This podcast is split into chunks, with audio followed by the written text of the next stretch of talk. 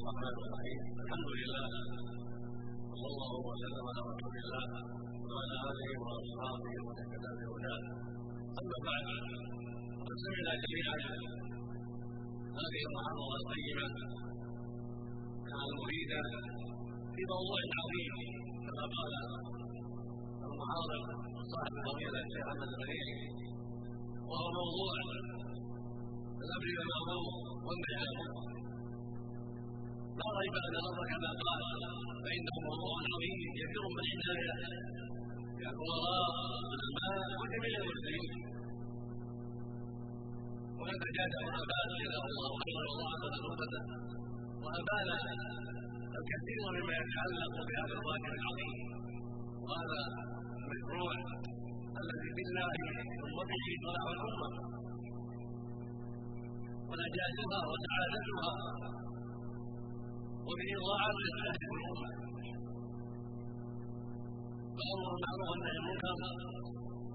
المنكر له والله عز وجل عظمه في كتابه العظيم وعظمه رسوله الكريم عليه الصلاة والسلام. الواجب على أمراء المسلمين وعلى علماء المسلمين وعلى كل مسلم حسب طاقته ان يعطوه حقه وان يعنوا به. لأن العنايه به والاخذ به كما أمر الله. صلاح الجميع ونجاه الجميع وسمعتم كثيرا مما بينه صاحب الفضيله الشيخ محمد من الآيات والأحاديث في هذا الأمر العظيم. والمؤمن يكفيه الظن بما سمع في هذا الواجب العظيم. وانما المهم البدار بامر الله والاخلاص لله والصدق في ذلك ومن اخلص لله وصدق كفاه قليل من بيان الله ورسوله. ومن غلب عليه الهوى والشقاء لم تزده الحجج إلا بعد ان يكون نسال الله. يقول عز وجل في كتابه العظيم وما تغني الايات والنذر عن قوم لا يؤمنون. ويقول عز وجل إن الذين حقق لكلمه كلمة ربك لا يؤمنون. ولو جاءتهم كل آية حتى يروا العذاب الاليم فعلينا جميعا أن نعنى بهذا الأمر في أنفسنا وفي بيوتنا ومع جيراننا وإخواننا ومعارفنا ومع كل مسلم. نطقا باللسان وعملا بالجوارح. وكتابة بالقلم لمن استطاع ذلك. الخطيب عليه واجب والأمير عليه واجب والعالم عليه واجبه اينما كان والمسلم عليه واجبه اينما كان. والله يقول سبحانه فاتقوا الله ما استطعتم. لا يكلف الله نفسا إلا وسعها. وسمعت من الحديث يقول النبي عليه الصلاة والسلام من راى منكم منكرا فليغير بيده فإن لم يستطع بلسانه فإن لم يستطع بقلبه فذلك أضعف الإيمان. رواه مسلم في صحيح من أبي الخدري رضي الله عنه. وثبت أيضا عنه عليه الصلاة والسلام من صحيح مسعود رضي الله عنه. عن النبي عليه الصلاة والسلام قال ما بعد الله من نبي في امتي قبل إلا كان له امتي حواريون. واصحاب يأمر بسنته ويقتدون بأمره. ثم انها تخرج من بعد القلوب يقولون ما لا يفعلون. ويفعلون ما لا يؤمرون. فمن جاهدهم بيده فهو مؤمن. ومن جاهدهم بلسانه فهو مؤمن. ومن جاهدهم بقلبه فهو مؤمن. وذلك وليس وراء ذلك من الإيمان. حقا الامر عظيم وواضح وخطير لكن من وفقه الله يسره الله عليه. وهذا من أفضل صفات المؤمنين والمؤمنات ومن أعظم صفات المؤمنين والمؤمنات. يقول الله عز وجل في سورة البراءه سوره التوبه والمؤمنون والمؤمنات بعضهم اولياء بعض يامر بالمعروف وينهون عن المنكر ويقيمون الصلاة. ويؤتون الزكاة ويطيعون الله ورسوله أولئك يرحمهم الله. إن الله عزيز حكيم هذا واجب المؤمنين وهذا واجب المؤمنات وهذه صفاته العظيمة التي علق الله عليها الرحمة والجنة. أولئك يرحمهم الله. من رحمته لهم أن يوفقهم لطاعته. وأن يهديه إلى يرضيه يهدي لهم الختام حتى يدخل الجنه ويخرجوا بها وينجو من النار ولهذا قد وعد الله المؤمنين والمؤمنات جنات تجري من تحتها الانهار خالدين فيها ومساكن طيبه في جنات عدن ورضوان من الله اكبر ذلك هو الفوز العظيم وسمعتم ما يتعلق به ويتسبب به بعض الناس ويقول اذا احتديت في نفسي فلا علي سمعتم ما نقل الله في ذلك وما قاله. أيها الراجل أبو بكر الصديق رضي الله عنه افضل الصحابة وخيرهم وافضل الناس بعد الأنبياء بقوله جل وعلا يا أيها الذين آمنوا عليكم انفسكم لا يضركم من ضل اذا اهتديتم إلى الله يرجعكم جميعا. فينبئكم بما كنتم تعملون.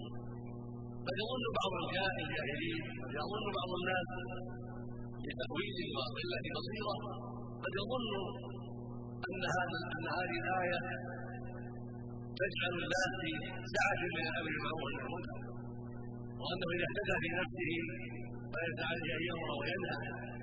قد يقع هذا قد يقع هذا في ظن بعض الناس ويتأول هذا بعض الناس كما قاله الصديق يقول الله عنه قتل الناس ايها الناس ايها الناس انكم تقرؤون هذه الايه وتضعونها في غير موضعه يعني قد يضعها بعضهم في غير موضعه ثم قرأ يا ايها الذين امنوا عليكم لا يضركم من ضل إلى هديتم واني سمعت النبي عليه الصلاه والسلام يقول ان الناس اذا راوا منكرا فلم يغيروه اوشك ان الله بعقابه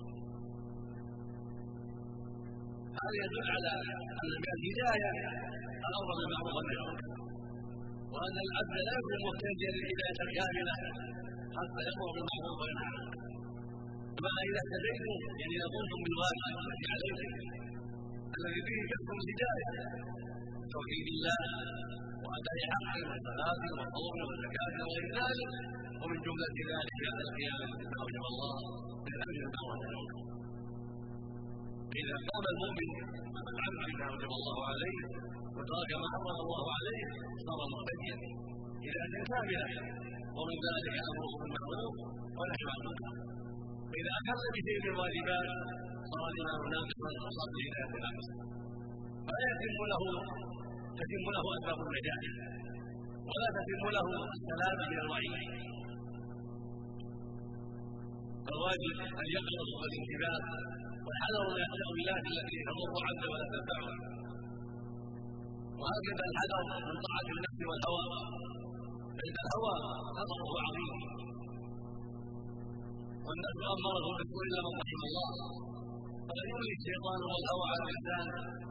ما يجعله يتقاعد ويتكاسل عن القيام بالواجب الواجب أن يمر حتى ولو مع ذلك وهذه من المصائب العظيمة فعليك ان تامر زوجتك.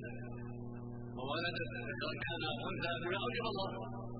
وأعظم ذلك واهمه بعد الشهادتين الصلاة. فهي أمر الإسلام. وهي الركن الثاني من اركان الإسلام.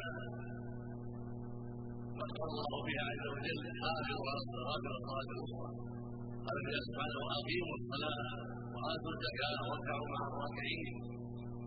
قال فيها جل وعلا واقيموا الصلاة. إن الصلاة تنهى عن الفحشاء في آيات كريمات وقال فيها النبي عليه الصلاه والسلام العهد الذي بيننا وبينهم الصلاة فمن تركها فقد رواه الامام احمد واهل السنة في كتاب الصحيح عن هريرة رضي الله عنه. وقال فيها النبي عليه الصلاه والسلام أيضا عليه الصلاة والسلام فيما رواه مسلم في الصحيح. عن جابر رضي الله عنه يقول عليه الصلاة والسلام بين الرجل وبين الكفر والشرك الصلاه اكبر والشرك اكبر ويقول في حديث معاذ فصل في الإسلام وعقوده الصلاه فعليك عبد الله تعلم بهذا الامر فمتى اصلح الله مر بإقامة الصلاة والحفاظ عليها أعله الله على بقية فيعود عن الإسلام الحمد لله حفظ دينه ومن ضيعها فلا بنفسه راضيا وروى مالك رحمه الله في كتابه الموضوع عن نافع قول ابن عمر رحمه الله قال كان عمر يقول إلى عماله إني له امراء في الاخرين ويقول رضي الله عنه ان اهم امركم عندي الصلاه فمن حفظها حفظ دينه ومن ضيعها من اشرار ضيعها لغيرها اضيع وروى مسلم وروى أحمد رحمه الله في مسلم في اسناد جيد عن عبد الله بن عمرو رضي الله تعالى عنهما النبي صلى الله عليه وسلم الصلاه يوما بين اصحابه فقال من حافظ عليها كانت له نور وبرهان وعجاب يوم القيامة. ومن لم يحافظ عليها يكن له نور ولا برهان ولا نجاه وحشر يوم القيامة فرعون وهامان وقارون وابي نسأل الله العافية. قال بعض ائمه ذلك أن من ضيعها اما أن تكون أسباب ذلك. الرياء يكون من مثل العقل والسمع لأن في العمل ثلاث رياسه واصل الرياسه حتى تكبر وتعاظم بنفسه وقال ان حمله هذا الكبر وهذا تعظم في نفسه إلى ان قال هذا الكلمة جميعا هذا ربه فلا تدعو الله واحد له معه وألقاه في البحر فأجساده من الأرض. وأرواح من النار والأرض وفي النار الإنسان والأرواح كذلك نسأل الله. يوم القيامة. المقصود أن أن التكبر والرياسة التي تدعو إلى ذلك أمرها عظيم. فمن منع الرياسة عن الصلاة صار من جهد بالعون فيحصل عليه القيامة أما ان شغله شغلته الرجال وزار عن ذلك فهو شبيه بهذا وفيه العون فيحصل معه يوم القيامة. وهكذا بقية الوظائف من شغلته. وظيفته وما يحصل بها من المال. عن طاعة الله ورسوله. شابهت هذا فيحشر معه يوم القيامة. إلى النار وهكذا من شغلته الأموال والشهوات عن طاعة الله ورسوله. وعن قيامه بهذه الصلاة. فهو مع قارون الذي شغله ماله وشهواته الله ورسوله حتى بغى وتكبر فأحسن الله به وفي ذلك الأمر. ومن شغلته التجاره والبيع والشراء عن طاعة الله ورسوله والقيام بعقله وعن الصلاه التي يعبد الإنسان حشر مع ولي الكلام تاج أهل مكه إلى فعليك عبد الله بهذا الامر العظيم مع زوجته ومع اولادك ومع معارف واخوانك ومع جيرانك ومع كل مؤمن في كل شيء في ترك ما اوجب الله أو في فعل ما حرم الله النصيحه والامر المعروف والنهي عن المنكر كل ذلك في اداء ما اوجب الله وفي ترك ما حرم الله هذا هو الامر المهم اما توجيه المستحبات والتحذير عن المكروهات هذا أيضا من كمال ذلك. من تمام ذلك. مشروع الأمور لكن اهم الأمور العنايه بما اوجب الله والحذر مما حرم الله. والأمر بالمعروف في ذلك والنهي عن ما حرم الله. فالمعروف كل ما شرعه الله. والمنكر كل ما نهى الله عنه. كما أمر الله به ورسوله هو المعروف وما نهى الله عنه ورسوله المنكر والواجب على أهل الإسلام إنما كانوا رجالا ونساء أن يأمروا بالمعروف. وأن يبداوا بانفسهم على كل واحد من المؤمنين والمؤمنات أن يبداوا بانفسهم عليهم أن يبداوا حتى يكون قدوة. كل واحد يبدأ بنفسه حتى يكون قدوة بالخير وفي علم ما اوجب الله وفي ترك ما حرم الله. إذا بدأ بنفسه كان ذلك أقرب إلى أن يستجاب له وأقرب إلى أن يتبع في أمره ونهيه رزقنا الله وإياكم الاستقامه ووفقنا وإياكم المسارعه إلى التوحيد السلام على احكام الله ونهيه واساله عز وجل يسر دينه ويعلي ويعلي كلمته وان يصلح قلوبنا وأعمالنا جميعا. وأن يصلح عامه